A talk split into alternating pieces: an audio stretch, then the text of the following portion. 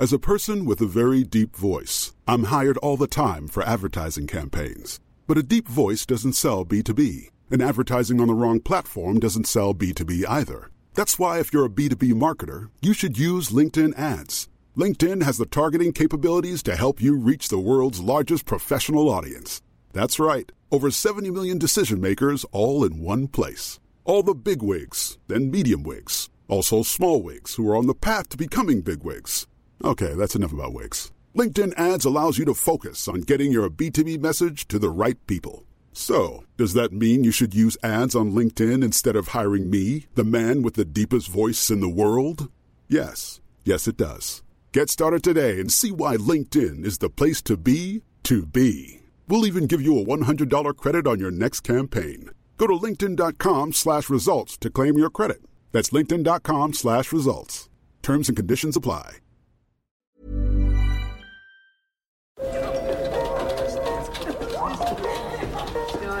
Dette er lyden av norsk næringsliv. Akkurat nå tas det små og store valg som kan bli avgjørende for fremtiden. Med økonomisystemet X-Leger tas disse beslutningene basert på informasjon i sanntid, slik at drømmer og ambisjoner kan bli virkelighet. Få kontroll og oversikt, gå inn på xledger.no. Denne sendingen er sponset av Xleger.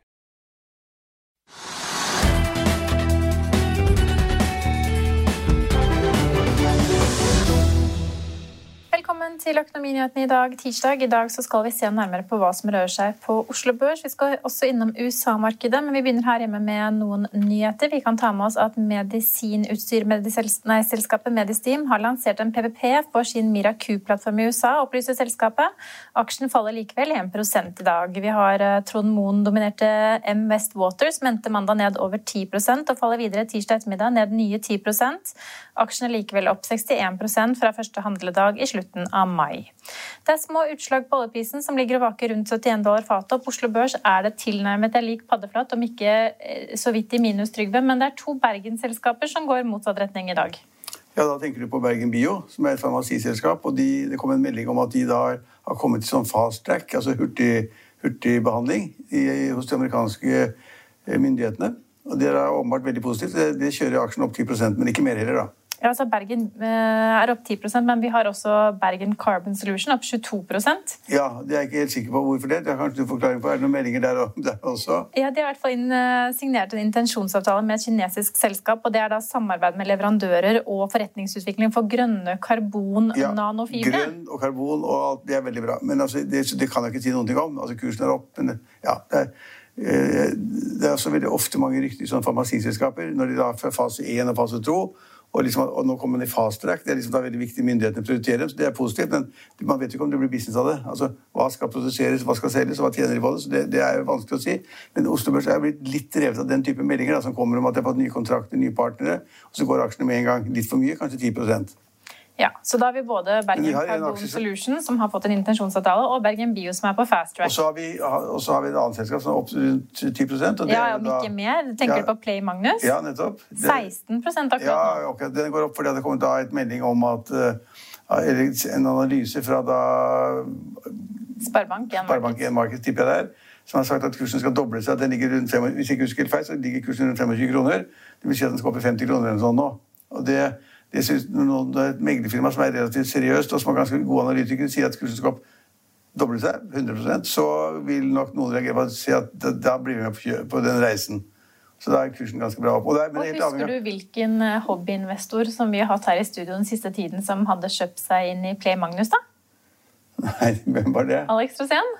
Han kjøpte en Play Magnus, ja. Han hadde vært litt sånn skuffet med hvordan den hadde gått. Kanskje den får seg en opptur nå? Ja, men det, men det er klart at det er jo noe. Altså, er, man spiller forskjellige spill, og det er, uh, selskapet får royalty og penger på det. Og, så De har jo hatt en ganske kraftig vekst, men de har ikke tjent noen penger ennå. Men er du nok løper på sjakk da, Trygve?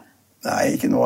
Nei, men jeg ser på det hvis jeg kan. Jeg sitter hjemme og ser det på TV, så ser jeg på faktisk. Så det er alltid veldig morsomt å forsøke å se hva man ville gjort i sluttspillet. særlig. Så små sjakk... Og åpningsspillet er jo da likt overalt. Så, da, ja. Så små sjakkentusiaster de får prøve seg på Play Magnus, som de tror på oppturen Sparebank1 Markets. Ja, ja da, og, det, og jeg, altså jeg, tror selskapet er fornuftig. Han er jo selvfølgelig verdensmester og flink. Men om de får penger ut av det, er liksom hva selger de, hvilke produkter det er, hvor mange i verden, mange millioner skal da gå inn og spille imot han på de forskjellige trinnene av, av, av vanskelighetsgrad osv. Salget har økt kraftig, det kommer til å øke enda mer, og så har det ikke blitt noe penger på bunnlinjen ennå. Får vi se. Så får vi se. Men uh, vi har en annen fornybar aksje som også er oppe i dag, som vi har snakket mye om de siste årene. Nell. Nell. Ja, Nell har vi snakket mye om, fordi at vi har, det må jeg si at dere har hatt rett. Prisen var altfor stor. Markedscapen var alt helt umulig, håpløs. håpløs.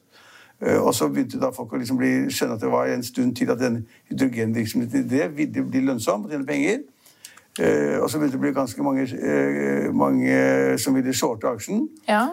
Og det er, det, er, det er, sagt i dag, jeg leste på, faktisk på, på Finansavisen ennå, at det var et uh, selskap som eide nesten 50 av, av, av, aksjene.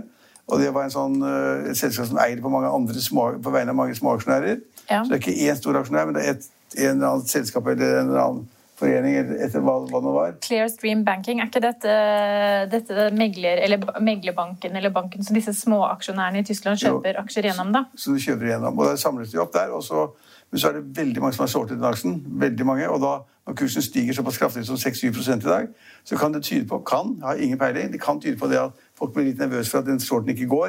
Det begynner å dekke seg. Man skal kjøpe de aksjene man har solgt til 100 kroner, så kan man da kjøpe tilbake på 80 kroner og tjene 20 kroner. Så det kan se ut som da noen faktisk er litt engstelige og så begynner å kjøpe aksjen. Og det driver jo kursen veldig raskt oppover. Ja, Nell er jo fortsatt ned 10 den siste måneden og 40 year to date. Så... Ja, ja men det er opp 6-7 i dag. Da kan man tenke ja. det. Og det er jo da en av de Norges beste analytikere som da har sagt at den aksjen er den perfekte short-kandidaten. Og den skal man da shorte helt inntil verdien av aksjen er lik den kontant, andre av kontantbeholdningen, som er to kroner, sier han. Kontantbeholdningen per aksje er to kroner, og når du kommer dit vet, Hva står den i dag? aksjen? 17,3. Ja, okay. Så han har sagt at den aksjen skal du shorte helt til den kommer til to kroner, men litt før det bør du kanskje begynne å kjøpe aksjen tilbake. Ja. Hvis man tror på han.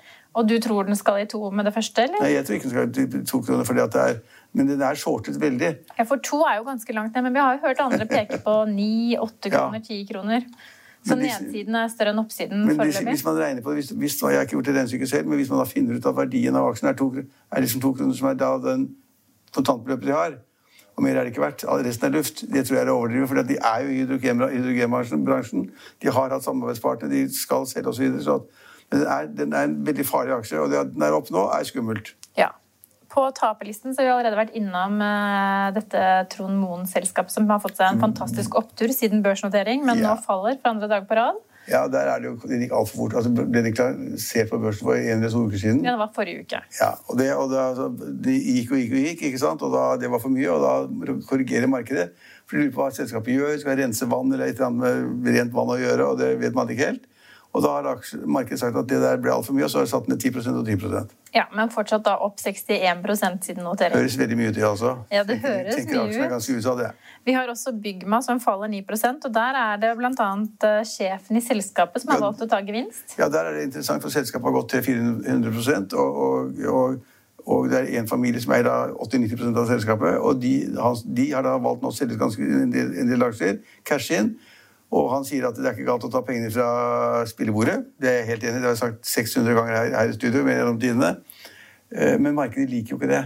For hvis han selger for å skaffe seg penger, så sier de at det er for å et eller annet betale hus eller hytte eller betale ned på gjeld eller hva som helst. Men når toppsjefen som eier nesten alt, selger, så vil markedet tenke hvis det er en veldig god fremtid, så vil han kanskje vente litt med å selge. Da, hvis han selger nå, så sier han kanskje ikke noe særlig fremtid de kommende månedene eller året. Og da selger andre også. Men dette er da en familie som sitter på Mikke jeg husker feil, 88,6 ja, ja, ja, da... av aksjene. Er det kanskje ikke så feil å få litt eh, flyt i aksjene igjen? Altså, de eier så mye at det spiller ingen rolle. Altså, det Poenget er at hovedeieren selger. Hvorfor gjør han det? Hvis han, han kan låne penger, betaler nesten ikke rente for tiden. så kan, At han da ikke låner de pengene han trenger, det, det, er mange, det, er mange, grunner til at man kan selge. Men det er, det er en viss mistenksomhet, og da tenker markedet, de som har da tilgang til aksjene, kan, da, da, da, da selger vi heller. Ja, Hvis han selger, kanskje vi også skal selge, tenker de. Ja. Hvis han tar gevinst nå etter ja, 4 hvis han trengte pengene, så kunne, ja, som jeg sa, hvis han trengte pengene, så kunne han lånt penger i banken i 2-3 rente. Ja. ja. Så utover dette så er det ikke noen sånne voldsomme utslag å ta med oss ved Harmony Chain. som hadde Bitcoin må vi nevne. Ja, vi skal nevne det, men Harmony Chain som vi snakket om i går, de er da faller i dag òg. Faller i dag. Var oppe i går, faller i dag. Folk er usikre på liksom hva de vil, og hva de skal tjene penger på, hvordan de skal gjøre det. Og selv om det er hederlige og gode mennesker, og, og han som driver selskapet, faktisk har vært tidligere journalist i Kapital så liksom, Vi kjenner litt personen og er en morsom person. Uh, men markedet lurer kanskje på hva det egentlig blir, og hva de skal gjøre. De skal minte ut av liksom, kryptovalutaer. og det, ja, Man er usikker, og så faller aksjen.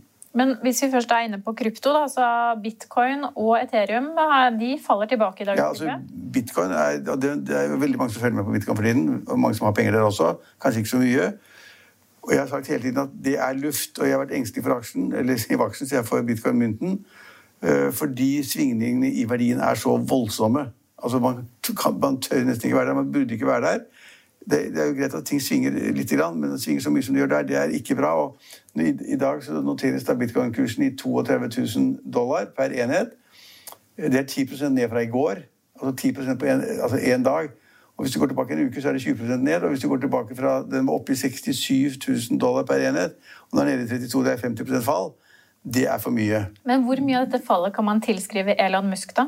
Nei, Det vet jeg ikke. Er... For han kom jo inn Men... i bitcoin eh, med 1,5 milliarder dollar tidligere i år. og jeg mener jeg husker det var i februar. Ja, da holdt han noen Twitter-meldinger og sa liksom dette er bra. jeg ja, ja, og så har han eh, tatt uh, unna noe i bitcoin. Han nå, nå sier han at han, han hintet ja. i helgen om at det gikk mot, rett før helgen om at det gikk mot breakup med bitcoin. Så ja, altså... hvis markedet tolker det til at Elon Musk har tenkt å dumpe de siste postene han har, så kanskje det kan ja, men Jeg synes ikke man kan hva han sier eller ikke gjør. Det liksom, han satte penger i det, så det var jo riktig. Men at han sier, spiller ingen rolle. Poenget er at det er usikkert hva verdien er. Ingen vet verdien. der. Jeg sier det er luft der, noen sier det er det eneste riktige i fremtiden, og det er den eneste riktige betalingsvalutaen i fremtiden, og overtar sentralbankens rolle. Det er bare tull. Men, og Det betyr at det svinger så fælt at når jeg sier at det, i, i, løpet av året så har liksom, da bitcoin falt 50 det, Da kan man ikke ha pengene der.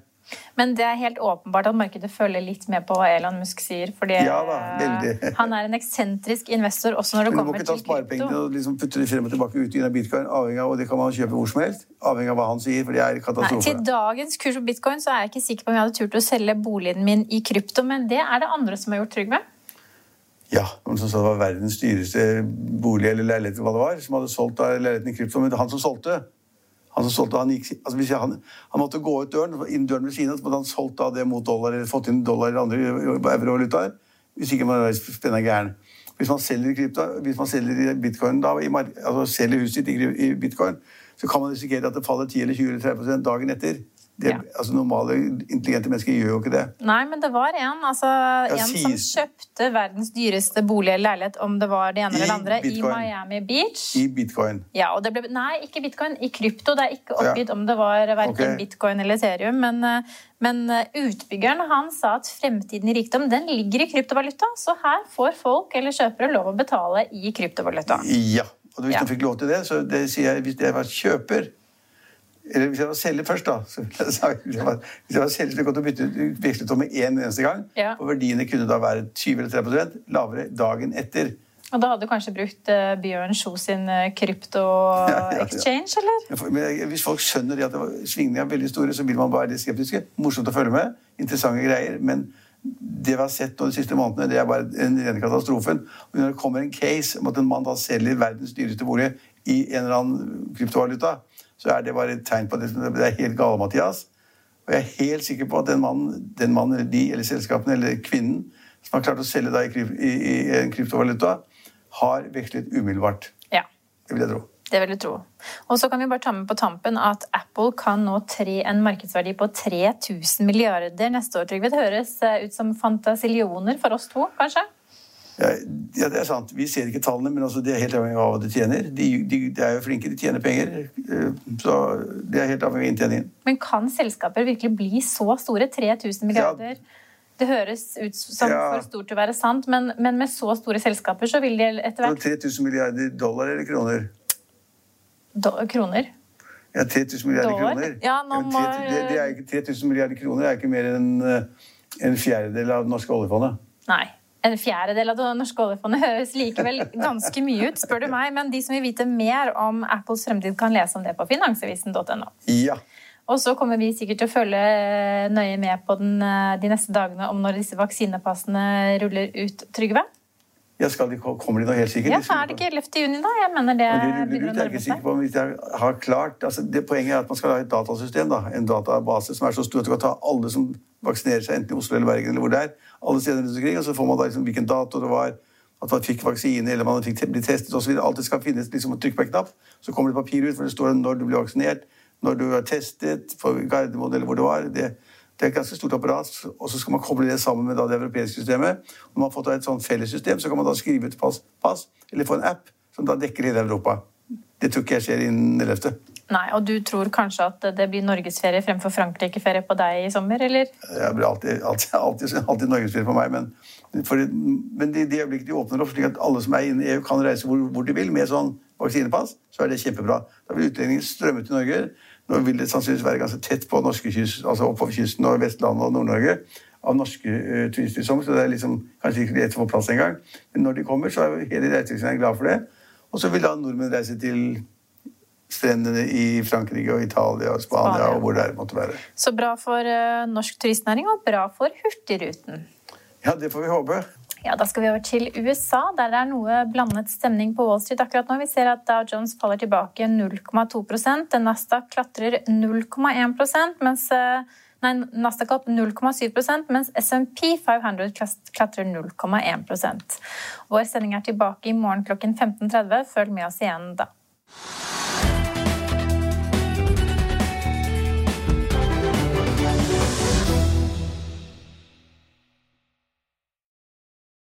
Denne sendingen er sponset av Xleger. Without the ones like you, who work tirelessly to keep things running, everything would suddenly stop. Hospitals, factories, schools, and power plants, they all depend on you. No matter the weather, emergency, or time of day, you're the ones who get it done. At Granger, we're here for you with professional grade industrial supplies. Count on real time product availability and fast delivery. Call clickgranger.com or just stop by. Granger for the ones who get it done. Økonominyhetene er en podkast og videoproduksjon fra Finansavisen. Programleder er Marius Lorentzen. Aksjekommentator er Karl Johan Molnes. Produsent er Bashar Johar. Podkast- og videoansvarlig er Marius Mørk Larsen. Og ansvarlig redaktør er Trygve Hegnar.